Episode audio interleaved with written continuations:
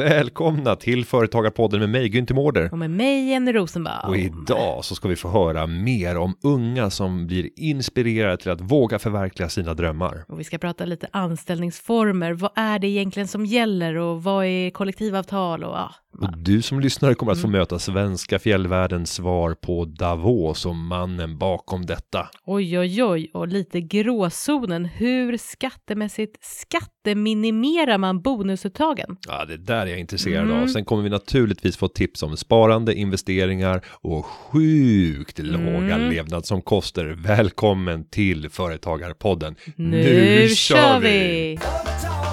Varför ser du så glad ut idag då? Nej men, nej men, ska du säga? Jag ser inte glad ut. Jo det gör du. Ja, det är eh, ja, men jag har ju fått vara med om en, en, en härlig start på den här veckan. Jag har fått vara ute på Stockholmsmässan Mm. då det är final för ung företagsamhet i Stockholm.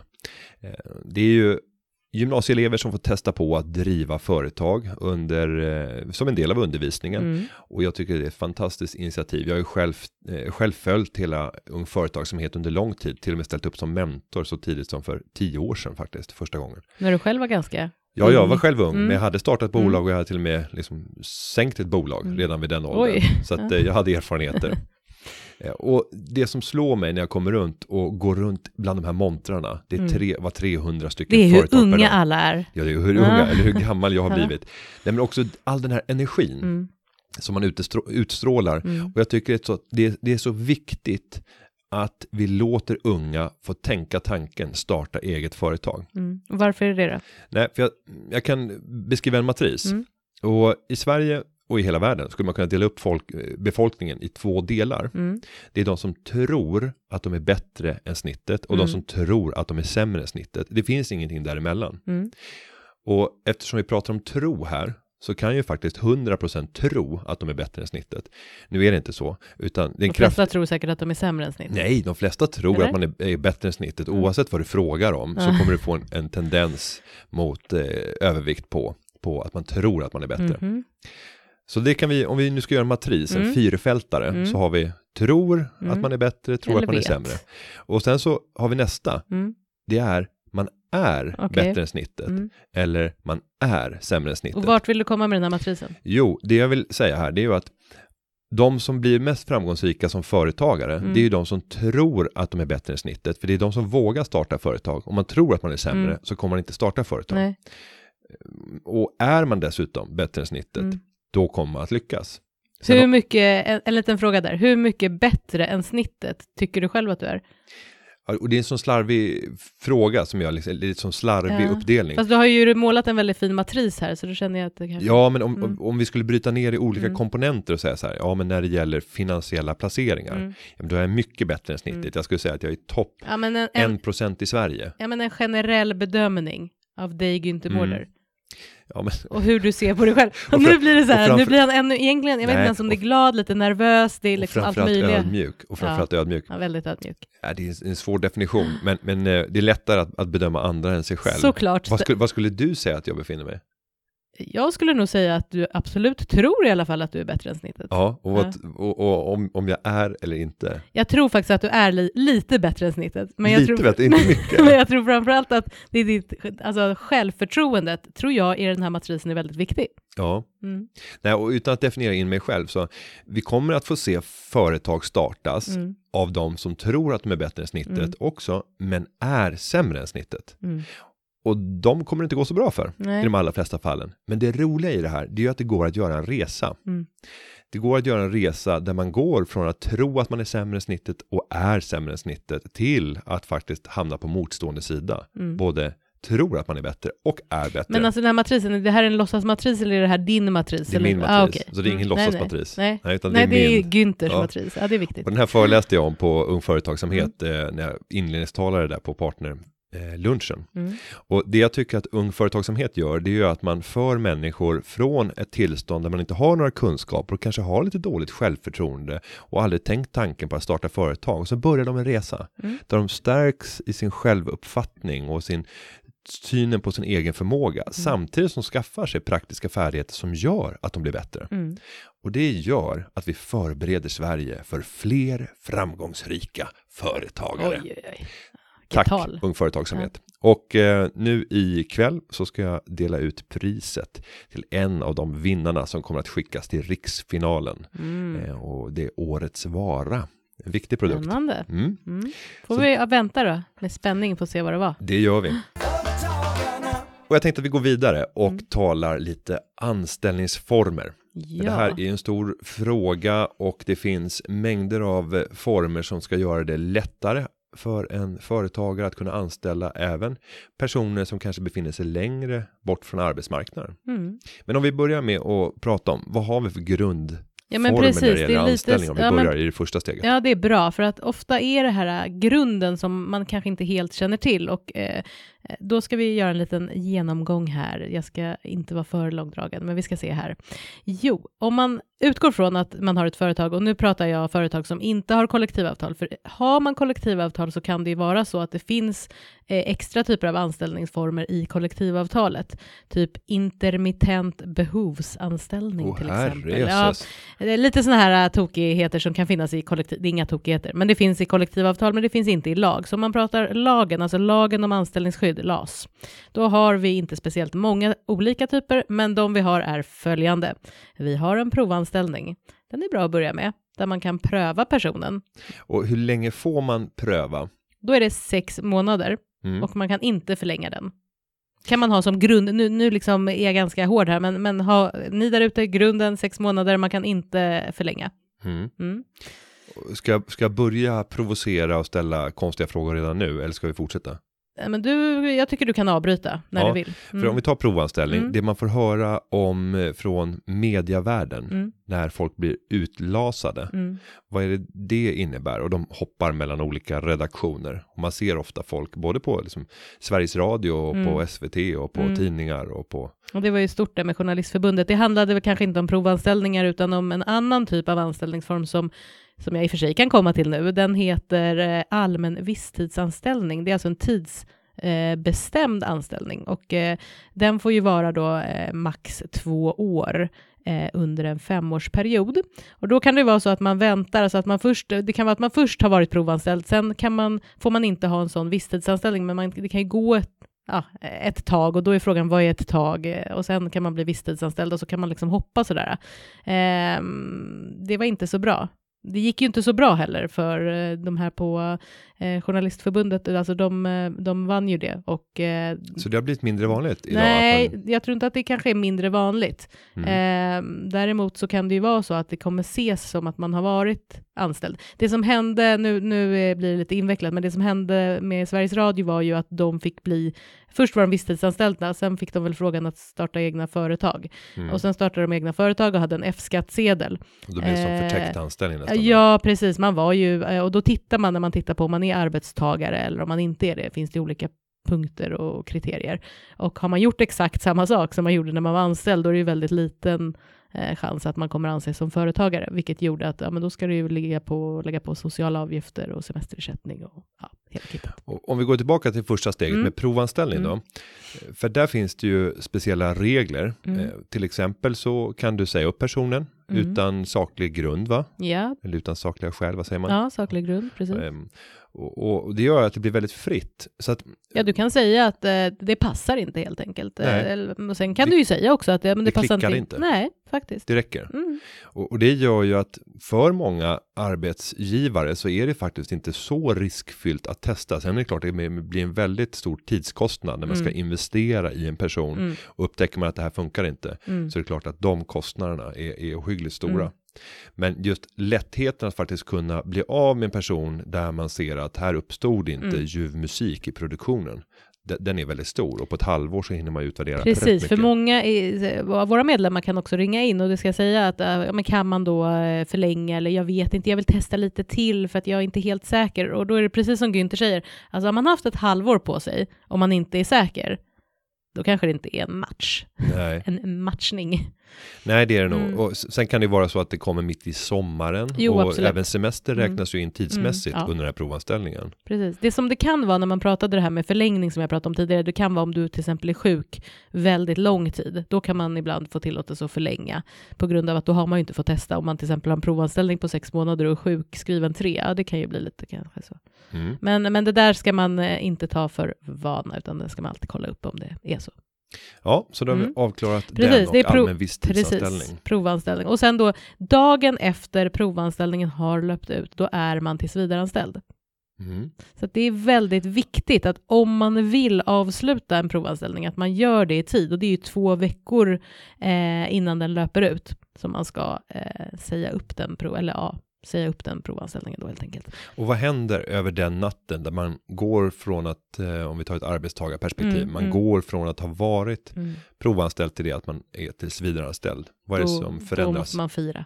Ja. Åh, vad man ska fira. Nej, men alltså det som händer är ju att om man då, eh, man har ju samma förmåner och man har ju samma, det finns ju till och med en lag som säger att man inte får diskriminera ja, både deltidsanställda och allt möjligt, så det är inte så att man får sämre villkor så, men däremot så kan det ju vara att om man ska bli uppsagd då, då krävs ju saklig grund och då är det ju arbetsbrist eller personliga skäl. Så att det är inte så att det är omöjligt att säga upp någon, men det är klart att det blir ju en, det är En väl större just, process. ja det är en Mm. större process, precis.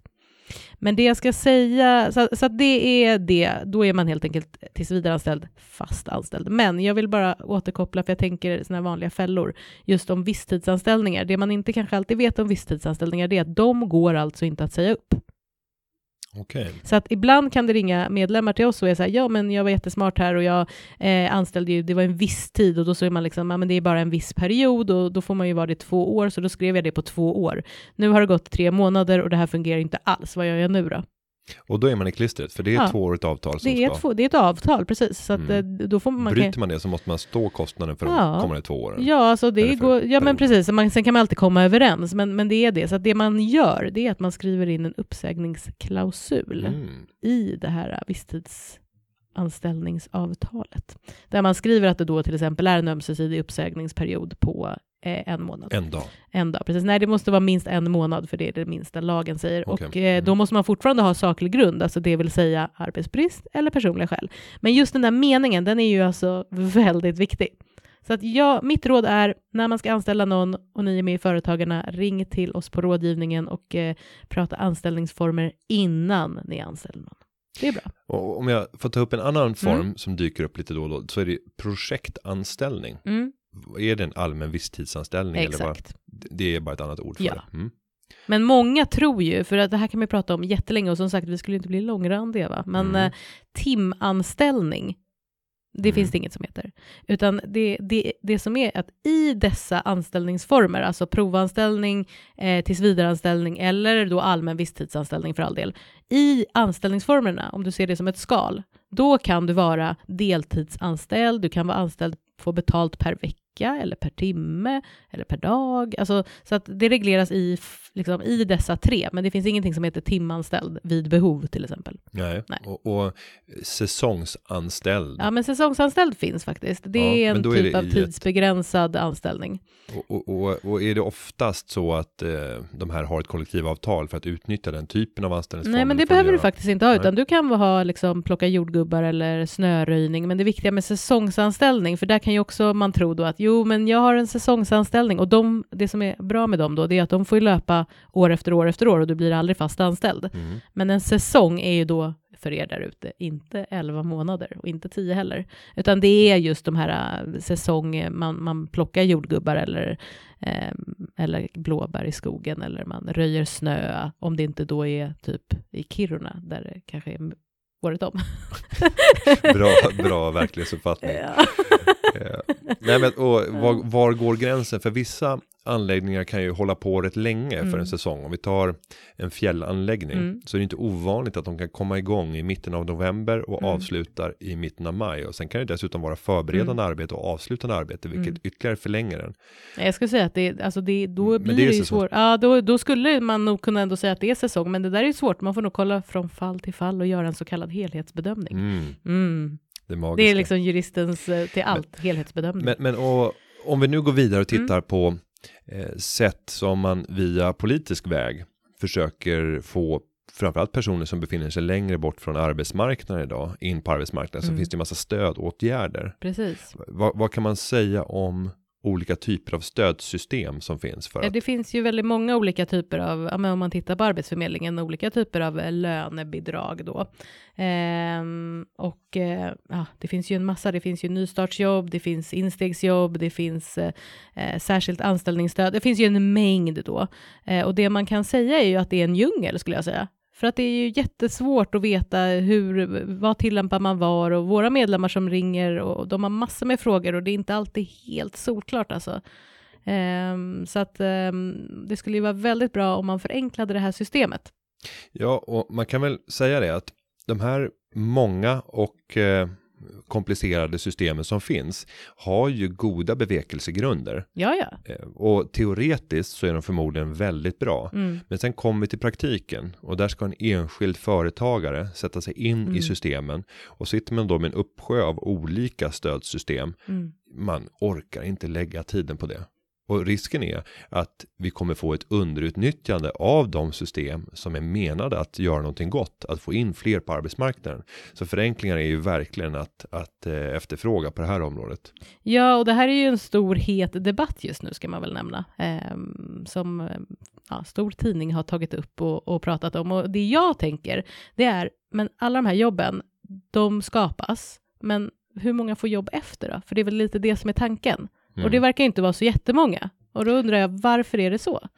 Nej, jag såg någon statistik här i, i Mm. Dagens Nyheter i måndags. Så många fick riktiga jobb. Mm. Och eh, av de som hade haft ett särskilt anställningsstöd, utan att gå in på detaljer vad det Mm. innebär, så var det bara nästan 11 procent. Ja, det är ju inte många, för då tänker man ändå så här, man har fått en chans, man får liksom visa lite vad man kan och så vidare, och sen så händer ingenting. Och då Nej. är det frågan, handlar det bara om pengarna? För det är ju ändå så att de här bidragen gör ju att, ja, ibland eh, kanske man bara betalar 20 procent av alla kostnader. Mm. Så det är ju ändå inte speciellt mycket, men varför, är det bara det, eller vad, vad är problemet?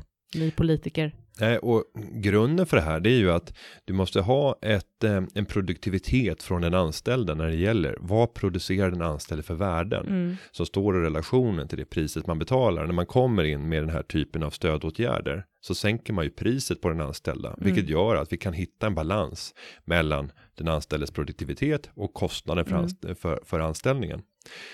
Och det där är ju en jättesvår fråga och den är känslig och jag tror att den kommer debatteras väldigt mycket här under våren. Inte minst mot bakgrund av att vi har haft flera politiska partier som nu har börjat blanda sig i och faktiskt börjat hosta om lagstiftning och liknande. Så det här är ju ett område som jag tror kommer att vara mycket aktuellt under rätt lång tid framöver. Sen kan jag reagera över en sak. Mm. Vet du vad det är? Nej. Nu är det ju många politiska partier som har lanserat förslag på hur ja, man skulle det, kunna förenkla. precis. Har de ringt till dig då, eller? Nej, det är väl det som vi pratade om här innan vi satte Mm. på micken. Det är ju rätt överraskande att man inte har talat med de stora företrädare av företagare som faktiskt skapar jobben.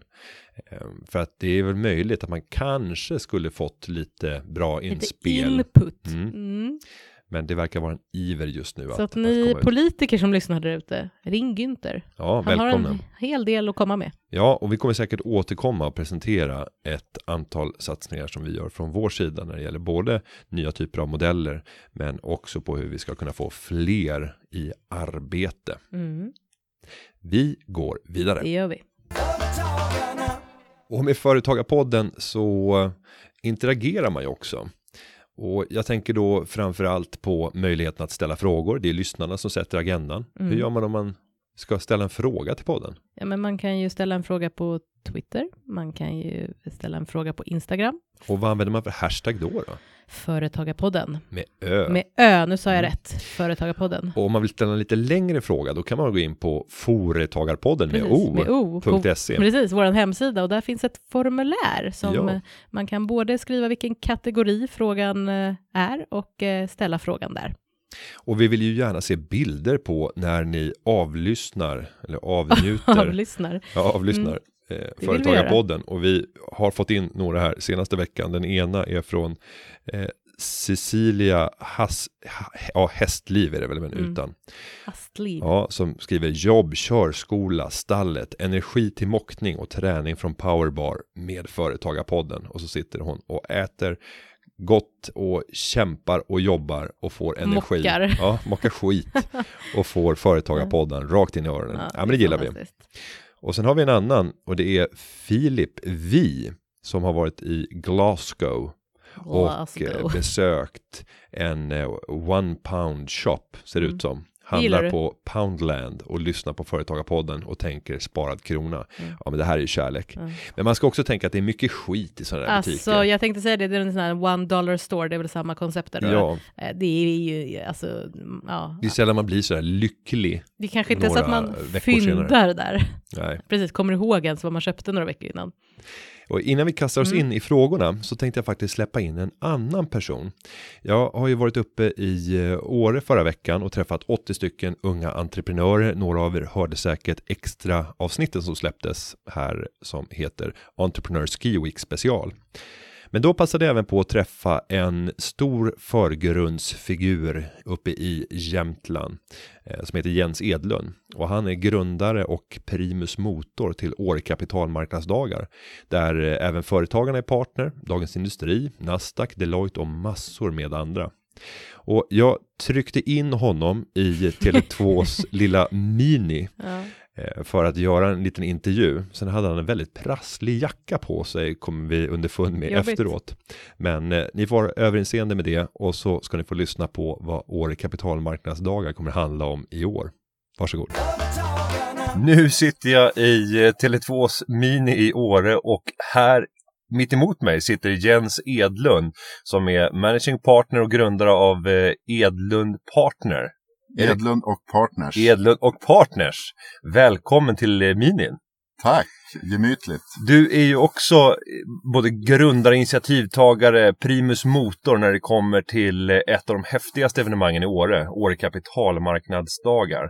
Nu ska det arrangeras för sjunde gången, om jag inte har fel. Det stämmer. Berätta, vad är det för eh, happening? Det är en arena, en mötesplats där man skapar affärer, nya kontakter, man får lyssna på intressanta föreläsare, man eh, fångar upp det som är aktuellt just nu i företagarvärlden och eh, du får mycket inspiration till ditt företagande och till dina framtida affärer och hur du ska jobba med marknader, med omvärld och eh, ja, det är en spännande mötesplats.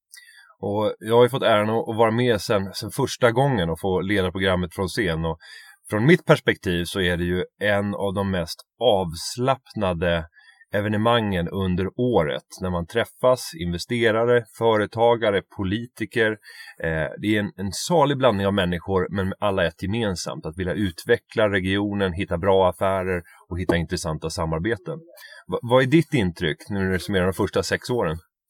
Eh, det har ju gått från att vara en eh, norrländsk eh, mötesplats till att nu vara en nationell arena med sikte på nordisk, det nordiska Davos som vi då ska skapa även framåt. Och det, det man kan känna när man är där det är ju att redan när man går in genom dörrarna så känner man inspirationen och den positiva stämning och den lediga atmosfären. Du kan träffa en minister eller en eh, börs-VD inom loppet av bara några sekunder. Och det är väldigt trevlig stämning uppe i Åre, vårvinterdagar. Ja, för nu är det den 7 och 8 april i år. Det är ju det mest optimala i ett eh, väderhänseende ofta. Det brukar vara fantastiska dagar, strålande sol, minus en grad, vindstilla, eller hur? Det har hänt. Det har hänt. Det har hänt i princip varje år Mm. eh, under de sex år vi har varit. Och tittar man ut här genom mini nu så ser vi att vi har minus två strålande solblå himmel och det kommer det garanterat vara i april också. Och sen ska jag väl också addera att eh, även om år kapitalmarknadsdagar är under två dagar så är det andra saker som händer under den veckan. Det har blivit som en, eh, ja, lockar till sig mycket annat. Vill du berätta i övrigt vad som händer under veckan? Ja, det är ju ett Åre Business Forum som pågår under hela veckan och där har vi då tisdag och onsdag då det är Sveriges innovationsriksdag när hela Science Park Sverige och Inkubator Sverige har sin årliga sammankomst och sina årsmöten och också inspirerande dagar för hela Inkubator och Science Park Sverige. Och eh, det är ju fantastiskt att det kan ligga i anslutning till Åre kapitalmarknadsdagar. Och sen har vi även Deloittes kvinnliga nätverk. Deloittes kvinnliga nätverk eh, som i år blir eh, med ytterligare samarbetspartners. Det är Dagens Industri, det är Nasdaq, det är advokatbyrån Lindahl med flera som går ihop och gör en nationell arena för uppemot 300 kvinnor som ska mötas och konferera och spåna om framtiden. Spännande. Och nu kanske jag har fel siffra, men jag antar att vi förväntar oss mer än 1500 deltagare på plats under veckan. Eh, vi hade ju redan i fjol 1600 besök och eh, vi kan under de här dagarna, den här veckan, eh, räkna med att det är uppemot 2 till 2 500 Wow. besökare. Det händer grejer. Och vill du delta på eh, de här dagarna så det bästa är väl att gå in på arekapitalmarknadsdagar.se Ja, det stämmer. och eh, där kan man anmäla sig. Eh, varmt välkommen säger eh, både jag och Jens. Jag kommer ha äran att leda delar av programmet från scen och Jens kommer finnas med överallt. Eh, så vi syns snart igen. Nu ska vi in och köra lite afterski här i året tror jag. Tack, Tack. så du ha. Välkomna tillbaka. Ja, jag kan bara konstatera att för mig som har haft möjligheten att få leda år i kapitalmarknadsdagar under sex år så kan jag säga att det här är en av de häftigaste atmosfärerna när det kommer till möten mellan företagare, investerare, även politiker och, och andra offentliga eh, företrädare. Det blir en, en atmosfär som är svårslagen och jag är ändå runt på rätt mycket så jag kan varmt rekommendera det. Men vi ska kasta oss vidare in i frågorna. Och den första frågan har vi fått från Pontus i Linköping. Det är ingen riktig fråga skulle jag Nej. säga, utan det är, det är nog fint. Han, han gör ett konstaterande. Han, han lyssnar, han, han säger att hej, insåg precis eh, att jag i och med mitt rerun på alla hashtag Sparpodden-avsnitt. Det är ju fantastiskt att han, han lyssnar. Han har lyssnat han på lyssnar alla. på alla gamla Sparpodden-avsnitt nu också. Och Ja. sen förmodligen alla Företagarpodden-avsnitt. Precis, så att han har tio och en halv timme Günther i örat per vecka. Vad säger du om Ja. det? Nej, det är otroligt vackert. Ja. Och en vacker och engagerad Ja. stämma som just nu förädlas av Ja, Jennys det visa ler. ord. Åh, ja, du blir nästan lite röd nu. Ja, glad jag blir. Tack Pontus, du gjorde vår dag. Ja, det gjorde du verkligen. Då går vi vidare med All In, hösten 2016, kategori gråzonen.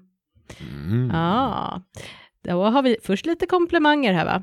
Tackar för en härlig podd, grymt underhållande. Och du och jag, vi kompletterar varandra vet du.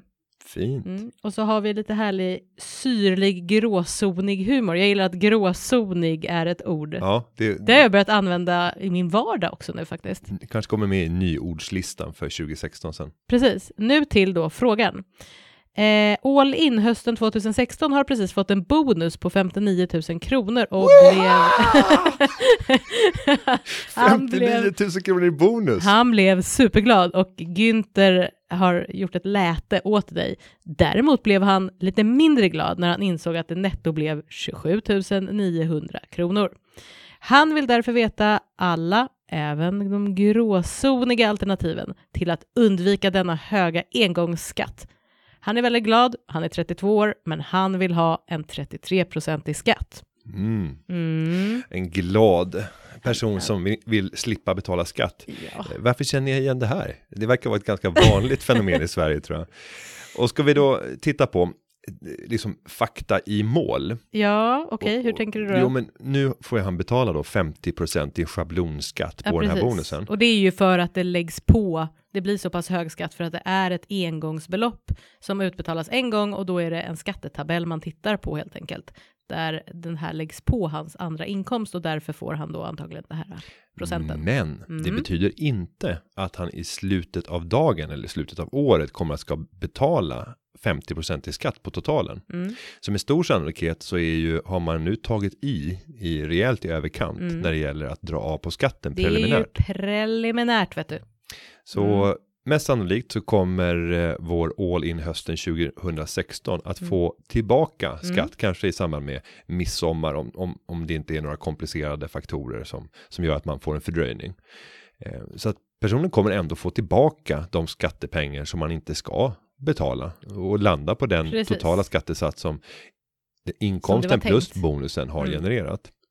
Så att det kan ju vara lite betryggande. Men, det man kan göra är ju att jämka innan om man skulle vilja ja, det om man vill då. ha pengarna, Ja. hur gör man då? Ja, då kan man ju jämka innan eller begära jämkning och det gör man ju. Går in på Skatteverket så har de massa fina blanketter att fylla i där. Och det funkar även med elägg. Ja, precis. Då går det nog ganska mycket snabbare skulle jag säga. Mm. Och eh, så att då kan man ju ansöka om jämkning helt enkelt. För det är ju, syftet är ju att den preliminära skatten ska stämma överens med den slutliga skatten. Eh, sen om den gör det då direkt eller om man då väljer att avvakta. Eh, det man också kan göra, alltså begära återbetalning av preliminär inkomstskatt, finns det också en liten blankett där. Så att det finns lite olika varianter, men det som du ska veta där ute, det är ju, man får ju, det är inte så att pengarna försvinner, utan vad händer med dem? De ligger på något skattekonto och göttar sig, men då tänker jag, nu kanske jag tänker fel Günther, men alltså vill man inte ha ut dem där direkt? Jag menar, eh, vem tjänar på att de här pengarna ligger på skattekontot? Nej, då ligger de ju Ja. eh, och, och hamnar i slutändan hos Riksgälden som sitter och, och förvaltar och ser hur, hur behovet ser ut. Och där får du ju en ränta. Mm. Så att eh, har du betalt in för mycket skatt än vad du ska betala när vi tittar slutgiltigt, då kommer du ha fått ränta på de pengarna. Och på motsvarande sätt så om du har ett underskott på ditt skattekonto så kommer du belastas med en ränta. Mm. Men den här räntan som du får är faktiskt i dagsläget rätt attraktiv. Eh, Den är ej avdrag, eh, du, be, du behöver inte göra något skatteavdrag på den, Mm. vilket gör att det du ser är vad du får. Och i många fall så är det faktiskt svårt att hitta ett motsvarande säkrare konto, för det du bettar mot, det är ju att Sverige ska gå omkull. Hör du nu liksom- här, all in 2016, det här kanske är bra för dig till och med. Ja, det kan vara Eller? bra. Eh, Det jag tycker att, att han ska göra, det är att se på alla de pengarna, om det är då eh, 27 Mm. 900 kronor, som en riskfri investering. Mm. Ett räntekonto som man får ränta på fram till den dagen det kommer att Mm. utbetalas. Och därefter så kan han kanske balansera om i sitt privata sparande. Om man idag har en ränteandel som en buffert som ska finnas för kommande år. Ja, då kan han ju se det här som en buffert istället. För du kan få ut pengarna även tidigare. Mm. Så det är ett ganska bra sparande. Och det, det är faktiskt så att Riksgälden har konstaterat att insättningarna har varit rätt stora på skattekontona senaste året.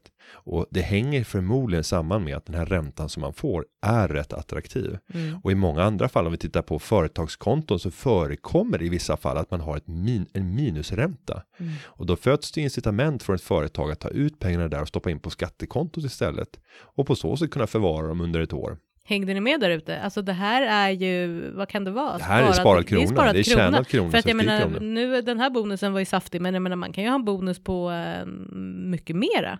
Mm, flera kan- miljoner. Ja, men, eller hur? det kan man ha. Har Säkert du- många av har- våra lyssnare har som har du, det. du kanske har det. Jag har inte det, det är garanterat. Nej, och jag sitter och funderar på om jag Mm. någonsin i mitt liv har fått en bonus. På flera miljoner Nej, kronor. nej, inte, Alltså, inte, inte ens på tusen det- kronor. Inte ens på tusen kronor? jag tror inte jag fått något. Jag har haft Nej. rörliga ersättningar, Ja. men inte en bonus, utan de rörliga ersättningarna har ofta varit förbundna med löpande prestation. Mm. Eh, så att, eh, nej. Men däremot så skulle jag vilja ta upp två andra saker och en sak som man kan göra för att sänka sin totala skatt, Mm. det är att titta på att beskattning sker ju hela tiden årsvis. Mm.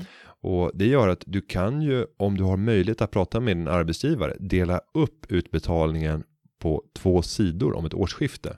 För att så sätt balansera ut Mm. dina inkomster. Och det där är särskilt intressant om man pratar om så här föräldraledighet. För när man går på föräldraledighet då får man ju mycket lägre ersättning än vad man hade innan. Och då gynnas de som tar en föräldraledighet där det är lika mycket på två sidor av, av, av två år. Än om man tar all föräldraledighet under ett enskilt år. För att om du tar, låt oss säga sex månader på ena året och sex Mm. månader på andra året, ja då kommer du ha sänkt din totala inkomst under två års tid och kommer ner i skatt. För att ju lägre inkomster du har, desto Mm. lägre procentuell skatt betalar du. Men om du istället bara hade ett år där du var ledig, så kommer du att sänka skatten kraftigt det året, men du är tillbaka på den gamla Men högre du skatt tänker att den totala ledigheten ändå är lika lång? Ja, och du kan Mm. räkna på det där. Mm. Gå in, googla bara på lön efter skatt Mm. och sen ser du vad som händer med olika inkomster. Mm. Eh, om du under ett år har en väldigt hög inkomst och året efter har en mycket låg. Eller om du två år har lite lägre inkomst. På totalen är det lika mycket som utbetalas till dig. Men skattemässigt så gynnas du av att bryta Mm. och ta på flera, på två år samtidigt. Klurigt det där. En annan sak, det är ju också att bonus, eh, och det där ska man också förhandla kring. Den är väldigt sällan pensionsgrundande. Ehm, och det där kan man ju förhandla, just i de där ögonblicken när man förhandlar om det så tänker man väldigt sällan på att det Mm. inte är pensionsgrundande. Så det kan vara tips i förhandlingssituationer. Men sen även möjligheten att löneväxla, att kunna avsäga sig lön Mm. till förmån för att få inbetalt i extra tjänstepensionsinbetalningar. Det kan vara intressant, för då slipper man betala skatt överhuvudtaget idag och får istället placera pengarna under eh, den tiden som löper fram till pensionen. Sen när du plockar ut det som pension, ja då är det ju lön och då kommer det beskattas. Och så låter ju det där sjukt bra löneväxla. Jag vill ju också löneväxla. Det är ju många som vill, men det finns ju en liten hållhake. Man måste ju tjäna en del. Ja, det måste tjäna. Det är, inte- det är inte nödvändigt. Alltså, du Mm. kan tjäna lite och löneväxla, men kan du det, men det är förmodligen en dålig idé. Ja, Och det hänger ju samman med vilket skattetryck vi kommer ha den dagen du plockar ut pengarna. Men det handlar inte bara om skattetrycket, utan om du har eh, förlo- alltså sänker din Ja, lön, då ja, får du ingen sjuk... sjukgrundande inkomsten precis, sjunker ju också. sjukpenninggrundande Mm. inkomsten blir ju inte så jättebra, så att det är ju kanske inte att rekommendera. Nej. Nej. Så att, eh, Men tanken är god. ja. Mm. Men där fick, eh, fick All In hösten 2016 några intressanta inspel. Ja, men då har vi en fråga från Martin i Växjö, Växjö under kategorin sparad krona. Han pratar om den här älskade kapitalförsäkringen till barnen, där barnen är förmånstagare. Men, Ja. och den gillar ju jag, den har jag ju pratat mycket om, jag har ju Mm. lärt mig mycket, men då är ju frågan här nu, om man har flera barn och barnen är inte tvillingar, det vill säga de är inte födda samma tid, samma dag, utan de är födda kanske med två, tre års mellanrum. Ganska vanligt. Det är ändå ganska Mm. vanligt. Och du har ju sagt att man ska ha en kapitalförsäkring, en Mm. liksom gemensam. Men hur gör man då för den här stackaren? Och det här, Martin, det gäller även mig ju faktiskt.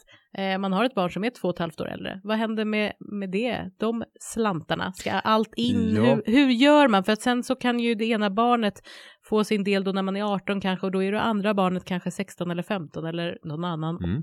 gedigen ålder. Och då finns det ju en ganska lätt lösning. Mm. Om man har tänkt att det ska vara eh, precis Mm. så att alla ska få de pengar som man historiskt har fått. Jo men det, är ju- det, så det måste vara, det ju jo, vara. Jo, men det kan ju vara olika belopp också. Mm. Eh, för att det kanske är särkullsbarn och det är någon annan morfar och någon farfar. Och den satte in Mm. 5000 kronor när de föddes. Och ja, det är ju faktiskt fel. Mm, ja. för det är barnets egen egendom. ja. Nej, men det jag tycker i de här lägena det är att för bok över procent Mm. ägande av kapitalförsäkringen. Mm. Så att eh, har du ett barn som har funnits i tre år, som Mm. har fått eh, kanske 35 000, du har sparat barnbidrag på det här. Ja, men då skriver du att för det beloppet som fanns, eh, då ägde det barnet 100% av den. Mm. Sen kom det ett nytt barn. Ja, och då adderar man bara och tittar hur mycket har satts in på från, från det här barnets sida. Och då kan man hela tiden fördela procentsatsen. Från början kommer det första barnet ha 100% av den här kapitalförsäkringen. Mm. Efter något år, ja men då har insättningarna gjort att det nya barnet har 10% av värdet. Mm. Och då kan man alltså få se att, eh, att det balanserar ut. Sen finns det en annan utmaning i det. Mm. Och det är Jag att, tycker det verkar jättekrångligt. Jag tänker liksom, jo, och vill man inte hålla på med Nej. det, utan det är ett enkelt förhållande, så är det så här, ja, men det blir samma pengar. Nej det är, blir det ju inte. Det är Nej, ju men då, får, ja, men då får man bestämma, ja, Mm. men då, då måste du föra bok. Ja. Ja. Eller så får man eh, ta de här pengarna Ja, två, så- tre år och göra någonting annat av de pengarna. eller så har du två konton. Ja. Men, men problemet är när du har två konton att det är två engagemang. Du måste göra saker två gånger. Mm. Sen kan det vara autoköp av fonder eller liknande som gör att det blir Men kan man inte göra så här då, att man sätter, rent nu eh, försöker jag vara logiska, men alltså man tar de här eh, 35 000, sätter in dem på en kapitalförsäkring och sen från att eh, liksom, ja, när det andra barnet föds, ja, då startas det här nya och då Jo, är det visst kan man göra det. Ja. Och då är det verkligen uppdelat. Men, men då kräver det ett större engagemang av Mm. dig. Och det är mycket lättare om man har ett större belopp Mm, att managera det. Och Mm. kanske kunna köpa lite enskilda aktier också om man vill det. mm. Om det är alldeles för små belopp så är, Mm. så är det svårt. Men det finns en, en annan Har utmaning. du gjort så här till dina barn? Du bara, ja, men det äldsta, ja, det blir samma peng. Ja, vi, Det- vi kommer ge samma Ja. peng. Och jag tror om vi skulle räkna ut nu att det är ojämlikheter. Mm. Ja, det är klart det är det om de är födda olika år. Jo, men även när det gäller insättningar. Att Mhm. eh, när eh, min son fyllde ett år så Mm. tror jag att han fick ett annat belopp än vad Mm. min dotter fick. Eh, för att mor och farföräldrar För det inte... var, de var inte lika mycket värda. Nej men de kommer inte ihåg Nej. tror jag. Nähä, Utan okej. de minns inte vad de stoppade över och då kanske det var så här, Nej. ja men nu gav jag ett liksom, bidrag till dem på 3000 för det kändes rimligt. Ja. Sen eh, annan så kommer kanske 5000 kronor. Och då är inte du den som är den och bara du... Upp, du upp, upp, så här mycket, nej om det inte är så att säga Om det blir ett högre belopp till Ja, barn två, exakt. då säger man Nej. ingenting. Om det blir ett lägre, då Ja. kommer jag säga, nu blir det väldigt orättvist. Ja, för de har, alltså man ska alltid jobba mot det högre värdet. Eh, Men sen har du också när du ska ta ut pengarna. Mm. Tre år kan vara skillnaden mellan, eh, ja, faktiskt 100% upp och, och 60% ner. Mm. Och om vi skulle titta tillbaka på ett, ett barn då som fyllde 18 sommaren 2007 och Mm. plockade ut sina pengar. Och sen tre år senare, eh, eller mindre än tre år senare kan, det kan vi till och med ta, vi säger i mars 2009. Eh, Ja, nej, då hade det barnet fått ut ungefär 60% mindre om allting hade varit investerat i Mm. aktier, för aktiemarknaden sjönk med ungefär 60%. Så det, min rekommendation det är också att inför uttaget, Mm. när barnet ska använda de här pengarna, så måste man också sänka risken. Mm. Då ska man inte ha en 100% i Nej, aktiefond. då skulle ränte, Men du, eh, det står ju här också att barnet får plocka ut när man är 18. Det är inte det, det som är lite tanken med kapitalförsäkringen, att barnet inte kan plocka ut Ja, det? Så att utan med är ju- kapitalförsäkringen så är det ju du som äger men Exakt. de är förmånstagare Ja. så då kan du välja att det blir först vid 22 års ålder. Precis, och då skulle man kunna ta att den ena får ta när den är 20. Mm, 100%. så kan man göra. Mm. Eh, Men är det investeringssparkonto då är det per automatik så att barnet kan gå med sitt eget Mm. lägg och plocka ut varenda krona Mm. och dra till Thai, Thai, Thai, Thai, Thailand Woho! eller någonting annat. Det kanske man inte åker längre. Det Nej, gjorde man på du, min du, tid. kan du, du har liksom Thailand i varje, alltså som ett exempel varenda avsnitt när man, Jo, ska, men åka, man ska dra någonstans. Jo, men det är för att jag är uppvuxen i den generationen, Thailandsgenerationen. Mm. Eh, på min tid så var det, eller på min Alltså tid, vi är, lika, gamla. vi är liksom lika gamla fast du låtsas att du är... Nej, ja, det gör jag inte. Men du Nej. vet ju liksom, eh, den, den moderna Mm. lumpen Mm. blev ju istället i vår generation att man åkte och backpackade i Mm. Thailand, Kambodja, Mm. Laos och Vietnam. Klassiker. Ja. Jag gjorde aldrig det. Och sen så var det Gjorde några... du det? Jag gjorde det. Och några, och några eh, var lite coolare Ja. och drog till Australien. Ja, det var Och- lite dyrare. Ja, och Ja. jobbade. Eh, man skulle gärna jobba på någon bar på någon strand. Eh, det var ju alternativ. Och jag vet inte vad det är som gäller idag. Jag har ingen aning vad som Nej. är det kreddiga, det stora i dagsläget. Det kanske vi kan få lyssnare att skriva in till Ja. hashtag företagarpodden. För just de där trenderna som finns hos ungdomar när det gäller vad gör man året efter gymnasiet. Ja. Där går det naturligtvis också att tjäna mycket pengar som företagare. Och man kan träffa de här Ja. trenderna och se vad kommer härnäst. Så en uppmaning till, till dig som vet. Vad är trendigt just nu? Och vad tror du kommer bli trendigt när vi blickar framåt? Kanske tre, fyra, fem år framåt i Mm. tiden. Så man kan förbereda en business som står redo. Om vi går tillbaka tidigare generationer. Då var det ju typ åka till kibbutz. Mm. Plocka apelsiner. Mm. Eh, Det är Alltså, ju jag tänker inte nu- så poppis nu. Nej, det är inte, nej, det känns inte så poppis. Men alltså min syster är ju 21 så jag borde ju faktiskt veta. Jag tänker liksom febrilt nu här vad alla hennes polare gör. Men nej, Thailand känns inte som det stället de, de har åkt till i alla fall. Nej. Nej. Nej, Nej, skicka det- in förslagen. Blir fortsättning följer. Vi går vidare till en kommentar. En mycket besviken lyssnare. Det är Johan Lundberg. Besviken på Företagarpodden. Att sitta och flamsa och skoja när man pratar om att avhysa 400 hemlösa. Hashtag empatilöst. Mm. Ja, det här slår ju in i hjärtat. Så är det ju. Det här är en, det är en komplicerad fråga. Ja. Eh, och man, Och jag, jag får väl säga, alltså, eftersom det var ändå jag som tog upp det kan man säga, men alltså, jag sa ju nu vid flera tillfällen faktiskt också att det var ju inte själva eh, avhysningen av 400 hemlösa som var eh, problematiken i den här frågan, utan det var ju regelkrånglet runt omkring, alltså hur lång tid det tog. Ja. det, ja. och sen kan vi nog säga att hela det här poddkonceptet Mm. handlar ju om att tänja på gränser. Mm. våga prata om sånt eh, som man kanske inte kan prata om på ett humoristiskt sätt Mm. utan att, ja men hela den där balansgången som är jättesvår, där det alltid kommer finnas människor som kommer i kläm Mm. rent känslomässigt där man Mm. tycker att här gick de för långt. Och jag är helt övertygad om att Johan är inte den enda som är besviken, Nej, utan det finns säkert många. jag tror att det finns liksom Det är käns, för det är väldigt känsligt. men jag tror att det väl finns därför- fackliga företrädare Mm. som, som bara rasade och var Mm. ursinniga. Nu kanske inte det är huvudmålgruppen. Jag tänkte precis säga det, jag hoppas att de lyssnar. Ja. Nej, men Mm. över, vissa kommentarer som, Ja. vi, som vi har kommit med. Mm. Och eh, ta innehållet med en viss självdistans Mm. och, och försök se igenom. Eh, sen får vi be om ursäkt i de fallen där vi har och jag kommer också säga där vi kommer framöver att trampa Mm. lite snett. Mm. Eh, Framförallt tycker jag att du ska be om ursäkt. Jag ber om ursäkt. För du är lite Säg mer... förlåt. Ja, förlåt. Ja, jag säger också ja, förlåt. Ja, jag säger absolut förlåt. Förlåt. Mm. Johan Lundberg. Företagarna. Sen har vi nästa, Samurajmannen. Samurajmannen. Och han konstaterar ju att eh, Han konstaterar att du har levde för 12 000 kronor per månad. Han lever för 4 000 kronor per månad. Och han är student. Och nummer två, han bor ej hemma hos mor. Och då kommer ju min fråga. Günther, bodde du hemma bo, hos bor din... du hemma hos mamsen? Bor du hos mammi? Eller bodde du hos mammi? N- Nej, Nej. nej. Och det jag refererar till när jag levde under 12 000 kronor, Mm. det var ju de första tre åren när jag var vd för Aktiespararna, Mm. när jag skulle bygga Mm. kapital. Mm. Och eh, nej, jag hade ju ett, ett ganska bra liv. Alltså jag Mm. hade lägenheten, en tvåa, vindsvåning eh, på 35 kvadrat. Alltså bara i Sverige som man kan leva under 12 000 på det sättet tror jag faktiskt. Eh, och hade dessutom eh, bil Mm. och hade access till bastu, just när man säger access till. Exakt. Så man förstår att du äger inte det här, men du har tillgång till. Du sni- Jag hade parkeringsplats eh, och jag bodde precis vid en Gratis mot- motor, motorled eh, i Ulvsunda industriområde i princip. Men det, det som gör mig nyf- nyfiken på Samurajmannen, Mm. att leva för under 4 000 kronor Det i är inte månaden. mycket. Nej, för mig, och jag tror kanske inte att Samurajmannen har två barn heller. Men det Och- hade inte du då heller. Jag hade ett barn. Hade du det när du var... eh, Ja, jag det- fick ju det jättetidigt. Eller jättetidigt. Fick, det bara kom. Nej, men det, det gick väldigt fort eh, från det att eh, Okej, vi ska nog byta nu. Ja. Ja, det blir fel. jag, fick, jag hade barn Ja, du när hade jag levde på 12 000 ett- kronor. ja, okej. Absolut. Mm. M- Men när man säger 4 000 Du räknade kronor. du in eh, studie, studiebidraget, jag på att säga. Räknade du in barnbidraget i de här 12 000?